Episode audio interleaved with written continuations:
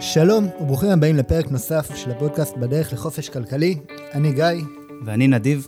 ואנחנו פה שוב עם דוקטור אלחנן מגידוביץ', אה, משקיע נדל"ן, אה, גורו נדל"ן, אה, ו- ואנחנו בעצם רוצים להמשיך ולדבר על נושאים שלא הספקנו בפרק הקודם.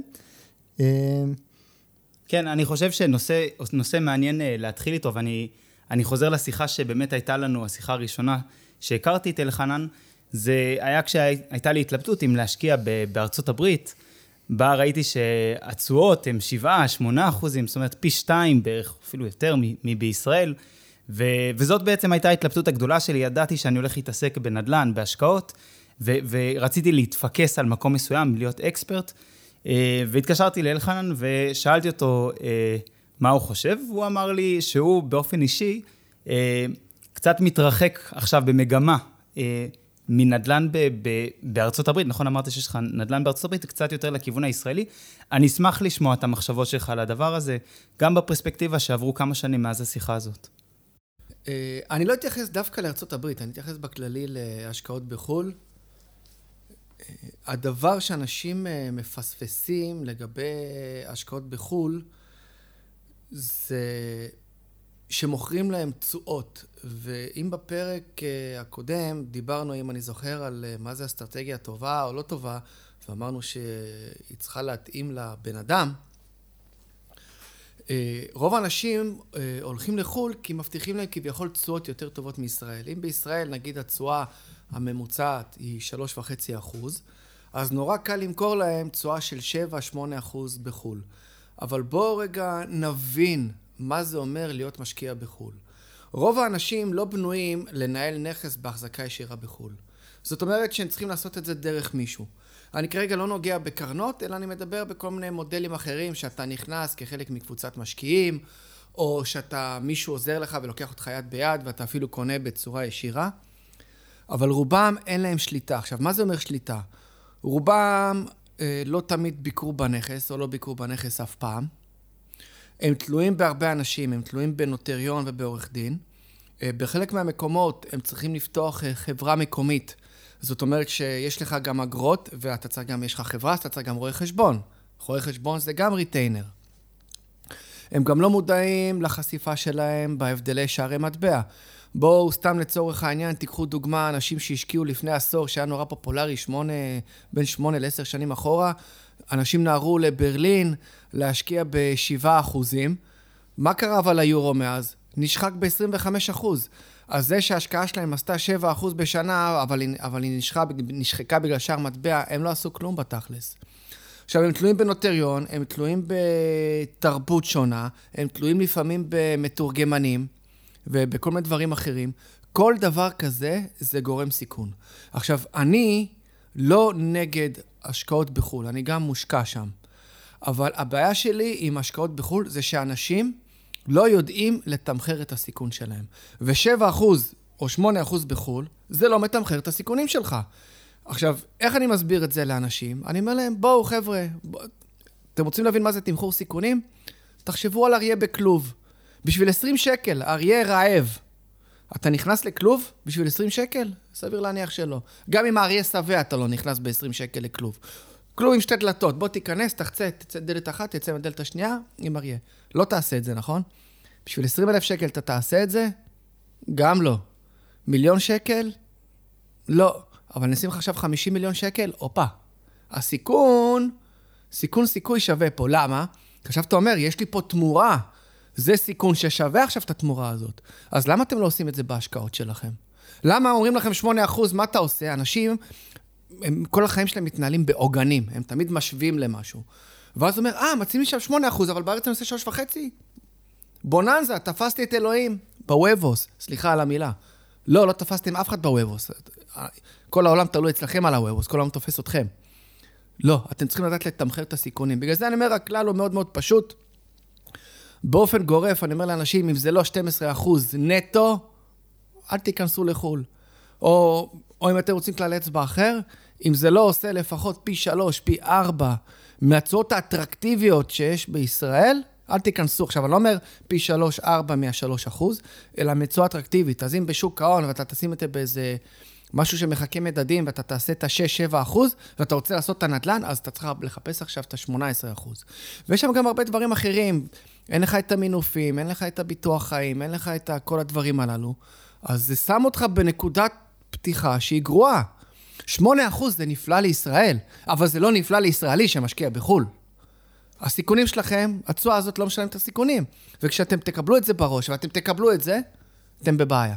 אתה חושב שיש הבדל בין, אם היו ניגשים אליך שני אנשים, עם תהייה אם, אם להשקיע, ב, נגיד בארצות הברית, בנכסים שעושים 8-9 אחוזים, האם היה הבדל מבחינתך אם היה ניגש אליך אדם אחד שיש לו 100 אלף שקל, הוא חייל משוחרר, ובן אדם שיש לו נגיד 15 מיליון שקלים, ואומר לך, אני רוצה לעשות פה משהו שהוא יותר כמו עסק, וכמובן שתהיה לי חברת ניהול, ואני רוצה להשקיע חזק בנדל"ן, אה, האם התשובה שלך הייתה שונה לכל, לכל אחד מהאנשים האלה? התשובה היא תמיד שונה, כי האנשים שונים והמקרה שונה. מבין שבן אדם עם 15 מיליון שקל יכול להרשות לעצמו יועצים מפה עד הודעה חדשה, שהבן אדם עם ה-100 אלף שקל לא יכול להרשות לעצמו. הוא מחפש, הוא, ההון שלו כל כך מוגבל, הוא מחפש איפה לחסוך. ואיפה הוא חוסך? הוא חוסך במסביב. מה זה המסביב? היועצים. ואז מה קורה? חוסך על יועצים, חוסך בעצות. אין עצות, יש דפיקות. סליחה על הישירות. לא, אני, אני אוהב את הישירות הזאת, היא טובה. אחד מהדברים ש, שאתה עושה, אלחנן, זה אתה מעביר uh, קורסים, גם קורסים ל, להשקעות בנדל"ן, וגם uh, קורסים uh, איך לגשת למכרזים של, של רמ"י, של רשות מקרקעי ישראל. Um, כמובן שאנחנו לא נוכל לגעת בפודקאסט בכל הדברים שהם מלמדים שם, אבל כן הייתי רוצה שתיתן למאזינים קצת את האזהרות. מה כדאי לדעת? אוקיי, קודם כל, מתי נכון בכלל להתחיל בקריירה שלנו, בחיים שלנו כמשקיעים? מתי כדאי לנו להתחיל לחשוב בכלל על השקעה במקרקעין? ומה תמרורי האזהרה צריכים להיות? מה, מה הם ה-no-nos? אוקיי, אז קודם כל אנחנו נתחיל מהגדרות. אני לא עושה קורסים, אלא אני עושה תהליך. למה? כי התהליך הוא, הוא גם ברמה המנטלית והוא גם ברמה הפרקטית. זה לא קורס שאני מלמד תיאוריה ואז חוזרים הביתה. חבר'ה, אתם לא צריכים לשלם לאף אחד בשביל תיאוריה. יש את חבר גוגל, תלמדו שם את התיאוריה. תחפשו את האנשים שיעשו לכם את הפרקטיקה. עכשיו, לגבי ה... בואו נתחיל מהפשוט, למי זה מתאים. בעיקרון, אם אתה יודע מה אתה עושה, זה מתאים לכולם. זאת אומרת, מה אני בא להגיד פה? לא משנה מה אתה בוחר לעשות, קודם כל תלמד. תשקיע בעצמך קודם, באינטלקט שלך, בשביל לדעת איך לגשת לדברים האלה. אבל יוצא שרוב האנשים, וזה בסדר וזה מצוין, גם אני הגעתי לזה ככה, מתחילים מהסולידי, ואז מתחילים לעבור לדברים יותר מורכבים. אז מה זה הסולידי? הסולידי זה אולי השקעה בנדל"ן למגורים. זה פשוט, יש משכנתה, זאת אומרת, אף אחד לא המציא פה את הגלגל מחדש, יש שוכרים שישלמו את השכירות, ועוד כהנה וכהנה. אה, בקרקעות, אני אחלק פה את התשובה לכמה. איזה קרקעות? יש לנו הרבה פרסומים של כל מיני קרקעות חקלאיות, או כל מיני הזדמנויות של אוטוטו זה מופשר, או 200 מטר מקו הבתים. חבר'ה, מה זה משנה מה המרחק מקו הבתים? אם זה שדה של תפוחי אדמה, זה שדה של תפוחי אדמה. לא משנה אם זה מטר מקו בתים, או שזה 100 מטר מקו בתים. לכן, אני, מה שאני עושה, אני הולך ל... אני משקיע בקרקעות שהבן אדם, אחרי שקניתי אותם, אני יכול יום למחרת לבנות עליהם. זאת אומרת, להוציא היתר ולבנות. זאת אומרת, הן כבר כשירות לבנייה. ומאיפה אני משיג את זה? אני משיג את זה במכרזים של רשות מקרקעי ישראל. רשות מקרקעי ישראל מוציאה מכרזים החוצה לקהל הרחב של קרקעות. אני ספציפית מתמקד, אגב, ככה גם היזמים והקבלנים קונים. יש קרקע שצריך להקים עליה אה, או מלון, או בית אבות, או שכונת מגורים, ממצים את הקרקע למכרז, היזמים מתחרים ביניהם, לוקחים את המכרז, ואז בונים את הפרויקטים שלהם. לנו כמשקיעים, אפשר לעשות את זה אותו דבר, אבל בקטן. אף אחד לא אומר לך, לך תבנה בניין, אבל אתה יכול ללכת, וזה מה שאני עושה, אני מחפש אה, מגרשים לבנייה פרטית, זאת אומרת, לבתים פרטיים, לבני ביתך. ואז אתה קונה סוג של מגרשים שיכולים להיות אה, 250 מטר אה, רבוע, 300, אה, חצי דונם, דונם וכהנה. אבל מה שיפה זה כבר מגרשים שמיועדים לבנייה. זה מגרשים שכבר עבודות הפיתוח התחילו עליהם. זה כבר מגרשים שנעשים במקומות יישוב, או במקומות שנועדים ל- להיות מיושבים. ואז אתה יודע שאתה קונה את הקרקע, לך תעשה תוכניות עם אדריכל, תיגש למועצה או לעירייה, תקבל את ההיתר ותתחיל לבנות אחר כך. וזה מה שאני מחפש. ופה יש למעשה אה, שני אפיקי רווח. יש את המהיר, שאם אתה קונה את המגרש מהמדינה, זה כמו לקנות מכונית, אתה קונה אותו יד ראשונה. אבל בניגוד למכוניות, ברגע שאתה קנית אותו, הערך שלו עולה, לא יורד. במכוניות זה יורד. כשאתה קונה קרקע מהמדינה, אתה למעשה קונה אותה במחיר הזול ביותר שאתה מצליח לתפוס את זה. אני מסייג, בהנחה ואתה יודע לתת את ההצעות הרלוונטיות במכרז. אה, ופה יש סוג של טריק, כי במכרז, איזה הצעה זוכה? הכי גבוהה. אבל אני כמשקיע, יש לי פה אה, איזה סוג של קונפליקט. מצד אחד אני צריך לתת הצעה מספיק גבוהה כדי לזכות, אבל היא צריכה להיות מספיק נמוכה כדי להשאיר לי רווח, בשר. ופה המשחק מתחיל להיות, אה, נקרא לזה עניין של מקצוענות, כי אתה צריך לדעת להתנהל על, ה, על, ה, על הקו תפר הזה. ואז האפיק רווח הראשון זה לקנות את הקרקע, ואתה יכול למכור אותה. תקנה קרקע, ברגע שעברה לידיים שלך, תתחיל לפרסם, למכור. אתה יכול למכור, אפשר לעשות פה רווחים מאוד מאוד יפים, עוד פעם, אם אתם קונים במקומות הנכונים. אה, והקטע של ביקוש לקרקעות, זה לא תמיד כמו הביקוש לדירות. אה, לכן צריך לדעת לעשות את הניתוחים הללו. אבל אם אתה קונה במקום שאתה יודע שיש בו ביקוש, שיעמדו בתור ויריבו בשביל לקנות את המגרש שלך, יש לך פה אפשרות לעשות כמה מאות אלפי שקלים בעניין של כמה חודשים. האופציה השנייה, וזה, או אפשר גם לשלב ביניהם, זה מישהו יותר יזם בנפשו, ואז הוא יכול לקחת קרקע כזאתי, ולהשכיב בפנים כסף, ובאמת לבנות בית פרטי, ואז למעשה הוא מוכר כבר מוצר מוגמר לכאלה, כי לא כולם בנויים לבנות אה, בית מאפס. יש כאלה שמחפשים כבר את הבית המוכן, אז אתה גם לוקח פה לא רק את מרכיב הקרקע, שאתה מרוויח עליו, אלא גם יש לך כבר את הרווח היזמי, אז אתה בונה וילה, ואתה עושה רווח יזמי, ופה כבר גם כן הרווחים קופצים. אבל טווחי הזמן משתנים, כי אם אתה ממש יעיל, אז בוא נאמר, מרגע שזכית במכרז, עד שאתה בנית וילה, לבן אדם שהוא לא מיומן, זה יכול לקחת אה, שלוש שנים. מישהו מיומן והוא כבר סגור על עצמו מה הוא רוצה לעשות, זה יכול לקחת לו, אה, בוא נאמר, שנתיים. למה אני אומר את הטווחי זמן האלה? כי אני גם לא תמיד יודע באיזה מהירות אני אקבל את ההיתר באותה מועצה מקומית או בעירייה. אם הם בעומס, לפעמים לוקח הרבה זמן. אבל אם כל עוד הם עובדים מהר, אתה גם בשנה וחצי יכול אה, להרים בית ולמכור אותו.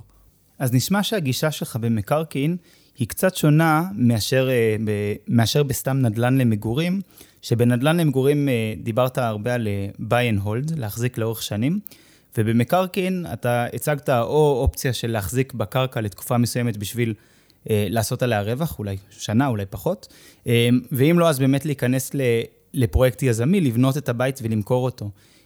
האם אתה גם היית אה, בוחן באמת להחזיק את הבית כ- כנכס מניב? אז, אז יש אה, הבדל בין מה שאני מלמד למה שאני עושה, לפחות בהיבט הזה.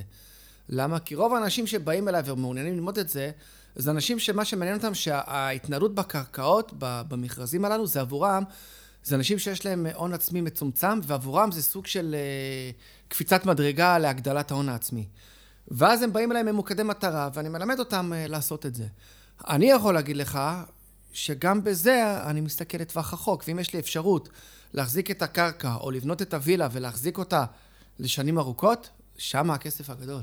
ובאמת זה, זה משהו שהוא מעניין, כי אה, אחד מהמקומות ש, שגיא ואני גם בדקנו, זה באמת אה, נסענו לאזור של קריית שמונה ומטולה, ובחנו שם אה, לקנות, אה, לקנות קרקע, והרבה פעמים גילינו שהקרקע מתומחרת בצורה כזו, שאחרי עלויות הבנייה וההיתרים וכולי, נמצא את עצמנו עם תשואת שכירות שהיא די דומה לתשואת השכירות של השוק, אולי קצת יותר גבוהה. אז אולי זה לא המקום הנכון לעשות את זה, תחפש מקום אחר. אז מה שאני בעצם רוצה לשאול אותך באמת בדבר הזה, זה מבחינתך, מה הפער שאתה מצפה, בוא נגיד שבאמת קנית קרקע בשביל, בשביל אה, נכס, בשביל לבנות עליו אה, אה, נכס מניב. מה, מה הפער בין תשואת השכירות שהיית מצפה על סתם דירה למגורים, לבין, לבין הקרקע הזאת, על ההשקעה הזו? אולי בצורה פשוטה, קרקע עלתה נניח מיליון שקלים, אה, מה, מה אתה מצפה מבחינת עלויות בנייה ומבחינת אה, מכירה ורווח בסוף? זה, זה, זה, זו שאלה קשה, אבל עוד פעם אני אחזור לה, לאסטרטגיה שלי. אה, החיים הם לא תשואה. החיים הם לא רק תשואה ולא על שכירות. החיים הם איפה אתה רוצה לפגוש את הכסף הגדול. זה מבחינתי כמשקיע, איפה אני פוגש את הכסף הגדול. ואם לעשות סיבוב עכשיו על מגרש בכמה חודשים, ולעשות עליו סיבוב של 150-200 אלף שקל, זה וואלה מגניב, וואו, עשה בשלוש חודשים 200 אה, אלף שקל. זה היה נחמד אם הייתי יכול לעשות עשר כאלה בשנה, אבל זה לא המציאות. לכן אני אומר, איפה אני יכול... מה, אני אמכור את המגרש הזה ב-200 אלף? בואו עכשיו תיכנסו רגע לראש שלי, ואם אני מאבד את הנקודת חשיבה, אז אתם, תפקיד שלכם להחזיר אותי אליה. תסתכלו, אנחנו במגמת איור מאוד מאוד חזקה. מדינת ישראל היא מדינה מאוד מאוד קטנה. בלי עין הרע, אנשים אוהבים אה, לעשות פה ילדים. דמוגרפית אנחנו גדלים, המדינה בגדילה כל הזמן, אחוז הילודה הרבה יותר גבוה מאחוז התמותה. ורק שתבינו, אנחנו בשנת 2049 הולכים להיות 21 מיליון איש במדינת ישראל. 21 מיליון איש במדינת ישראל. אתם כבר היום מסתכלים שמאלה וימינה ואתם רואים שהמגמה הולכת למגדלים. מכניסים אותנו לקופסאות גפרורים. וגם הקופסאות גפרורים האלו הן מאוד מאוד יקרות. עכשיו, בית פרטי זה מוצר פרימיום. אם היום בית פרטי זה משהו יקר, חבר'ה, בעוד 10, 15, 20 שנה זה יהיה מוצר לאנשים עמידים מאוד. רק אנשים עמידים מאוד יוכלו להרשות לעצמם בית פרטי. אז למה שאני אמכור אותו עכשיו בשביל סיבוב של 200 אלף שקל? הוא יהיה שווה לי כמה מיליונים בעוד 15 אה, שנה. הכסף הגדול, אני חושב, כסף גדול כל הזמן. אז זאת אומרת, גם, אבל, אז בעצם אני, האמת היא שאף פעם לא חשבתי על, על המכירה, אבל השאלה שלי יותר באמת מתמקדת בשאלה האם, אם יש לך אופציה לקנות בית, שהוא בית צמוד קרקע, בסדר? או לקנות... בית מוכן, אתה מתכוון. בית מוכן, כן. או לקנות קרקע בשביל לבנות עליה בית. אני קצת שואל, מה, מה, מה יגרום לך, זאת אומרת, איזה, איזה תשואה עדיפה תגרום לך לעשות את הכאב ראש, לעבור את הכאב ראש, של להתחיל לבנות בית ולא, ולא לקנות משהו בנוי? תקשיב, זה לא כאב ראש. אתה מרגע שאתה בונה בית, בהנחה ואתה עושה אותו סבבה ואתה לא מתפרע עם עצמך, זה כמו לשפץ דירה. או שאתה מתפרע את עצמך ואתה חוטף בתשואה, או שאתה עושה מה שצריך ואתה מרוויח. אז כשאתה בונה בית, אתה כבר, כבר אתה מורווח 15%, כי זה הרווח היזמי שלך, בין 15 ל-20%. ואם אתה יעיל, אתה אולי גם יכול להגדיל את זה. אוקיי? עכשיו, אתה עושה את החישובים, אתה יודע כמה עולה שכירות של בית, אתה יודע כמה, אתה יודע כמה, אם עוד פעם, אם זה אזור שהוא כבר uh, מבוסס, גרים שם, אתה יודע פחות או יותר בכמה בית מושכר, אתה יודע כמה עלות הקרקע, אתה יודע פחות או יותר כמה עלות הבנייה שלך, כי אתה מכיר את הסטנדרט שאתה תבנה, אתה יכול לגזור מזה. אם אתה מחפש את ה-7%, תחפש את ה-7%, אתה מחפש את ה-3%. אני לא יכול להגיד לבן אדם, אם זה פחות מ-X אחוזים, אל תעשה את העסקה. כי מבחינתי הוא מפספס את העשרות, עשרות ומאות אחוזים של, ה... של העליית שווי. לכן, אם זה בן אדם שהוא לחוץ על כסף, והוא יוצא מאוזן פה, זאת אומרת, יש לו על הנייר תשואה גולמית טובה, נגיד של 5-6 אחוזים, אבל הוא יוצא מאוזן עם המשכנתאות ועם השכירות שלו, אבל הוא, הוא, לא, הוא לא מרוויח עדיין שקל, אולי, ואולי, והוא לא ישן טוב בלילה בגלל זה, אז אולי זה לא בשבילו. אני, אם אני בונה וילה ואולי אני לא מרוויח עליה עכשיו, אני מאוזן עם. עם המשכנתה ועם השכירות, זה מצוין, כי הכסף הגדול הוא בעתיד, הוא לא עכשיו. אז עוד הפעם, זה אסטרטגיה. מה אתם רוצים מהנכס? תשואה זה לא אסטרטגיה. תשואה זה התוצאה שלך מהאסטרטגיה, זה לא אסטרטגיה. מעניין. עוד משהו שדיברת על לטווח ארוך, שאנשים מאמינים שירוויח הרבה, והוא כמה פעמים עלה בפודקאסט שלך, שאני מאזין לו, זה באמת אה, העניין הזה של הביטקוין. ונשמח ככה שתיתן לנו בכמה משפטים, מה, מה דעתך לאפיק ההשקעה הזה? אה, אני אענה בצורה, או אולי זה יישמע דיפלומטית. אה, אני לא משקיע בקריפטו. לא בגלל שזה קריפטו, או, לא, או בגלל שזה... האסטרטגיית ההשקעה שלי היא מאוד מאוד מוצקה ויציקה, מוצקה וסליחה ו, ומבוססת, כי ככה אני בניתי אותה בהתאם לקווי אופי, בהתאם למה שמתאים לאל חנן. אני נורא מאמין במה שנקרא השקעות ערך. ומה זה אומר השקעת ערך? השקעת ערך זה אומר שהנכס שלי עובד גם אם הוא לא עולה או יורד בערכו. הוא עדיין... ואני תמיד נותן את הדוגמה של פרה חולבת. אתה יכול לקחת פרה, המחיר של פרה היום, אולי, אני לא יודע כמה עולה פרה, כן? אבל סתם לצורך העניין, נגיד שהיא עולה 5,000 שקל, בסדר? אני קונה עכשיו פרה, אבל פרה מבחינתי היא לא הפרה עצמה, היא נכס, כי היא נכס שמניב לי חלב. הערך של הפרה זה החלב. חלב אני יכול למכור, אני יכול לעשות ממנו גבינות, אני יכול למכור את הגבינות האלה. החלב הוא אמצעי הכנסה שלי. אם יום אחרי שקניתי את הפרה, המחיר שלה ירד ל-3,000 שקל, זה לא מעניין אותי, כי אני לא הולך למכור אותה. וגם אותו דבר, גם אם היא הכפילה את עצמה במחיר, אני לא מוכר אותה. כי הכסף שאני עושה מהחלב, מהערך שהיא נותנת, ולזה קוראים intrinsic value, ערך פנימי. אני מחפש השקעות עם ערך פנימי. זאת אומרת שגם אם הם לא יעשו כלום, גם אם המחיר שלהם לא ירד ולא יעלה, הם יכניסו לי כסף. וזה ההשקעות שאני מחפש. לכן, אני לא מושקע בקריפטו, כי גם אם אני אחזיק את כל הביטקוין בעולם ואני אסתכל עליו, הוא לא יעשה לי כלום. כן, אין לו, חייב, אין לו פירות. אני חייב למכור אותו או לקנות אותו כדי שיהיה פה משהו. אבל הוא בפני עצמו, אין לו ערך פנימי. ואני כמשקיע מחפש רק השקעות עם ערך פנימי. עכשיו, זה לא אומר שהביטקוין הוא השקעת, אה, השקעה גרועה או טובה. היא פשוט לא מתאימה להגדרת ההשקעות שלי, אני מחפש השקעות ערך. ואם אין השקעת ערך, אני לא בפנים, אני בחוץ. כן, ואם בכל זאת הייתי מבקש ממך לתת איזושהי הערכה על מחיר הביטקוין בעתיד, האם אתה מהמחנה של, שחושב שיש סבירות גבוהה שהוא יהיה שווה 100 אלף שקל, 200 אלף שקל, לא יודע כמה? אני, אני, מה זה. אני מה זה הולך לבאס אותך ואת המאזינים, כי אני אהיה כנה, חבר'ה, אני לא מבין בזה כלום. אה, באמת? דוגרי, אני לא מבין בזה כלום, ואני אגיד לכם גם למה, זה גם, למה אני גם לא מושקע בביטקוין, כי פעם הייתי שואל אנשים, אוקיי, היום כבר הרבה יותר קל, אבל לפני שנתיים, שלוש, הייתי שואל בן אדם, אוקיי, יש לך ביטקוין ואתה רוצה עכשיו להנזיל אותו לכסף, הם היו מסתבכים איתך, כי הבנק הזה כן מקבל, זה לא מקבל. היו מחזיקים אה, כל מיני חשבונות בחו"ל ומשתמשים עם הכספומט פה בארץ. משהו יותר מדי מסובך. אה, אחד, אני לא... עוד פעם, זה לא מתאים לי לאופי. שתיים, לא התעניינתי עם זה לעומק. אני חושב שמי שלמד את זה, אני יודע אנשים שעושים מזה כסף, ועושים מזה גם כסף גדול וכסף טוב, אבל זה לא מתאים לרוב האנשים, כי רוב האנשים גם לא בנויים באופי שלהם למה שקורה שם. היום הסתכלתי בביטקוין, עלה ב-X אחוזים, ולפני שבועיים ירד אה, ב-X אחוזים. היה 59 אלף דולר וירד ל-34 אלף דולר. יש אנשים שזה הדיר שינה מעיניהם. אתה תגיד לי היום על נכס נדל"ני שאני מחזיק, שהוא עלה מיליון והיום הוא שווה 600, זה לא מעניין אותי, השכירות דופקת. שכירות דופקת, המשכנתה משולמת, האקוויטי שלי עולה, אני ממשיך לישון טוב בלילה. זה מה שמעניין אותי, אני מחפש את הערך בהשקעה. אנשים מחפשים רק את הכסף, רק את התשואה, רק את הרווח. לא, תחפשו את הערך, התשואה, הרווח והכסף יבואו. כן, טוב, זו באמת גישה שהיא היא, היא מאוד uh, דומה, אני חושב, גם לגישה שלך, גיא, גם לגישה שלי. אנחנו רוצים, uh, לפני שאנחנו מסיימים, לשאול אותך באמת uh, לגבי הנושא של הפודקאסט שלנו, שהוא בעצם בדרך לחופש כלכלי. אנחנו התחלנו את הפודקאסט הזה כי מתוך מחשבה ששווה לתעד את השיחות, את הדרך, את התהליך הלמידה. ואנחנו רוצים לשאול אותך, איפה אתה מרגיש שאתה נמצא ביחס לדבר הזה, ואיך אולי אתה מגדיר אה, חופש כלכלי בעצמך? גם פה המטרות שלי השתנו עם הזמן. אני יכול להגיד לכם שבנקודת זמן מסוימת, כל המטרה שלי הייתה אה, להיות בחופש כלכלי, אה, או אם אני אשתמש, אפשר להשתמש קצת בסלנג, נכון? שאנשים ירגישו כאן down to earth. חשבתי שיהיה נחמד לשבת ולגרבץ באיזשהו שלב בחיים שלי. אתה ממש מביא את זה down to earth. היום אתה מביא דברים ל...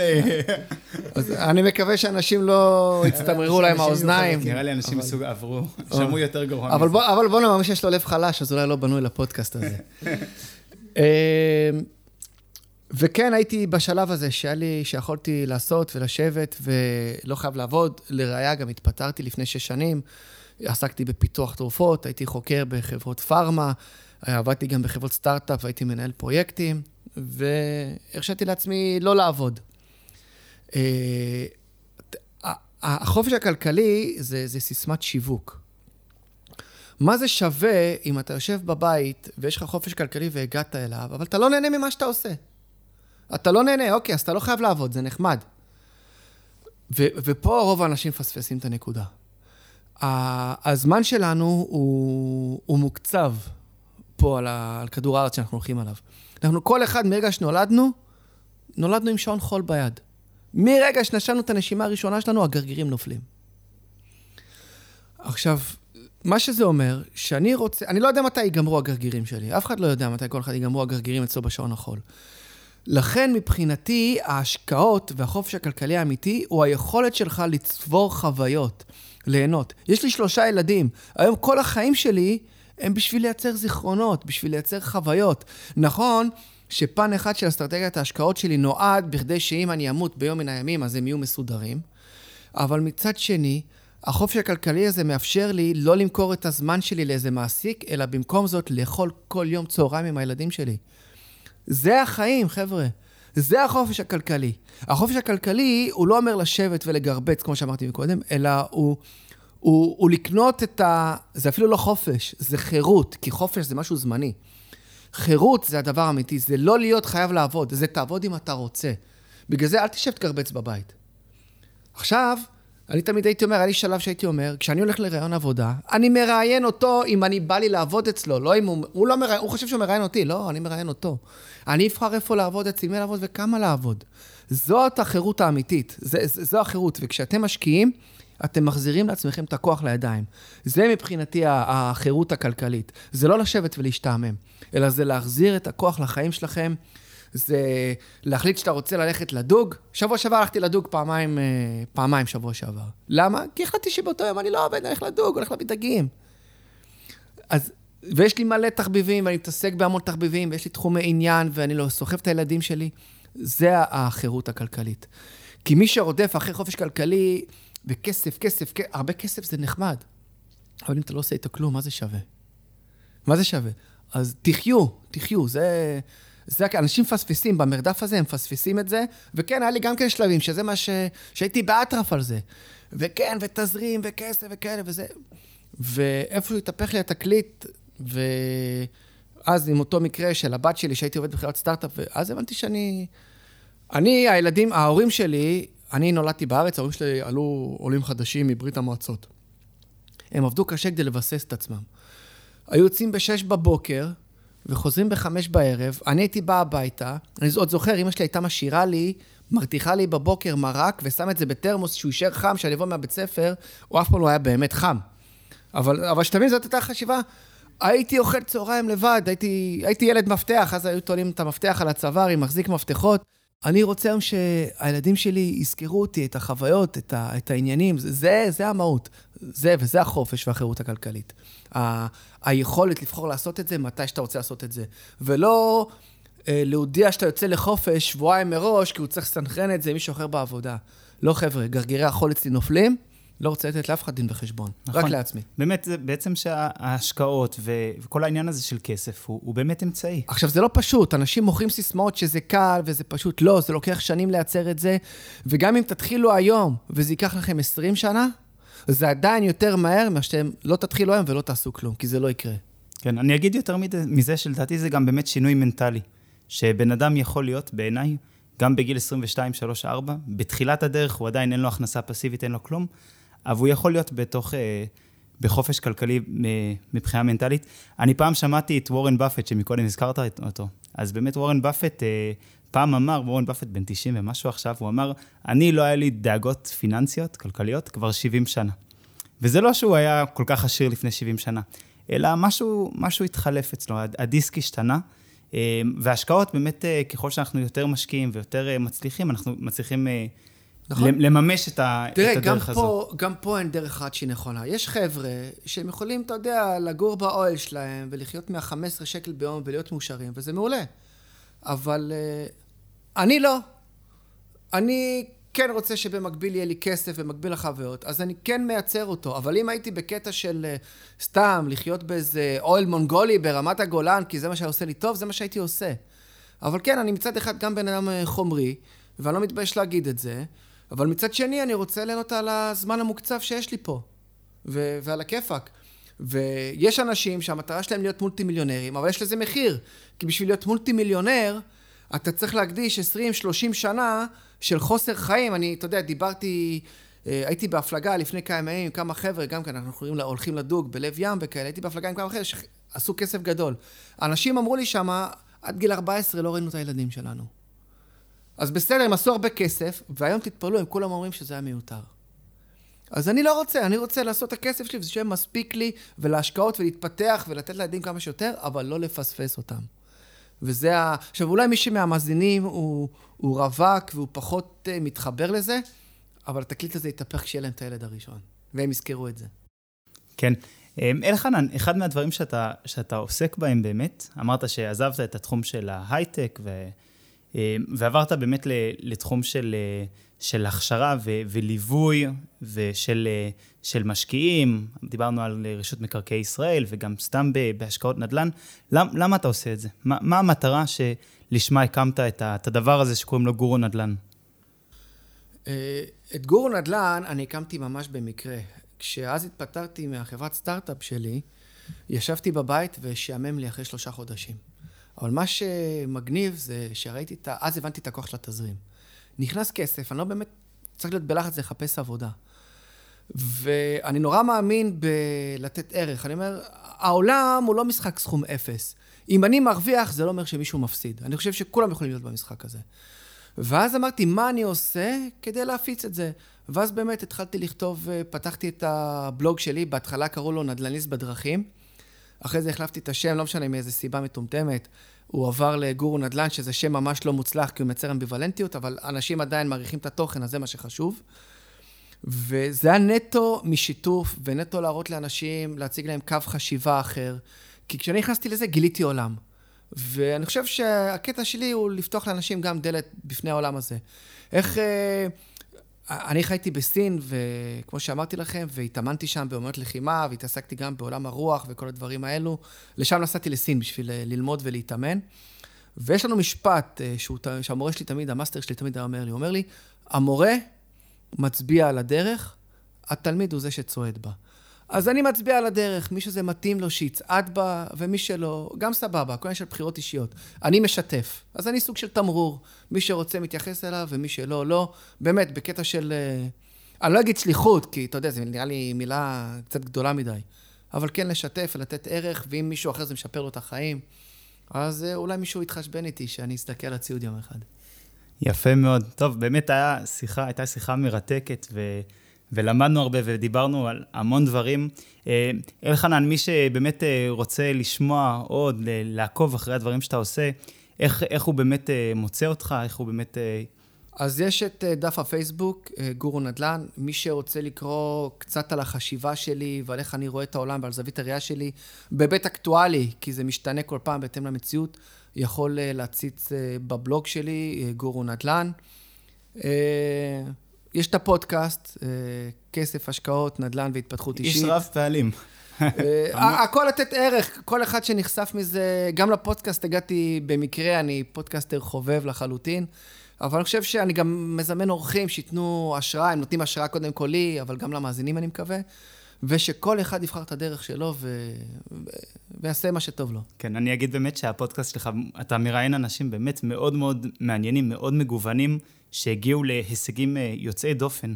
אני משתדל אה, להביא את ה... אני תמיד אומר, זה לא האלפיון העליון, את העשרת אלפיון העליון.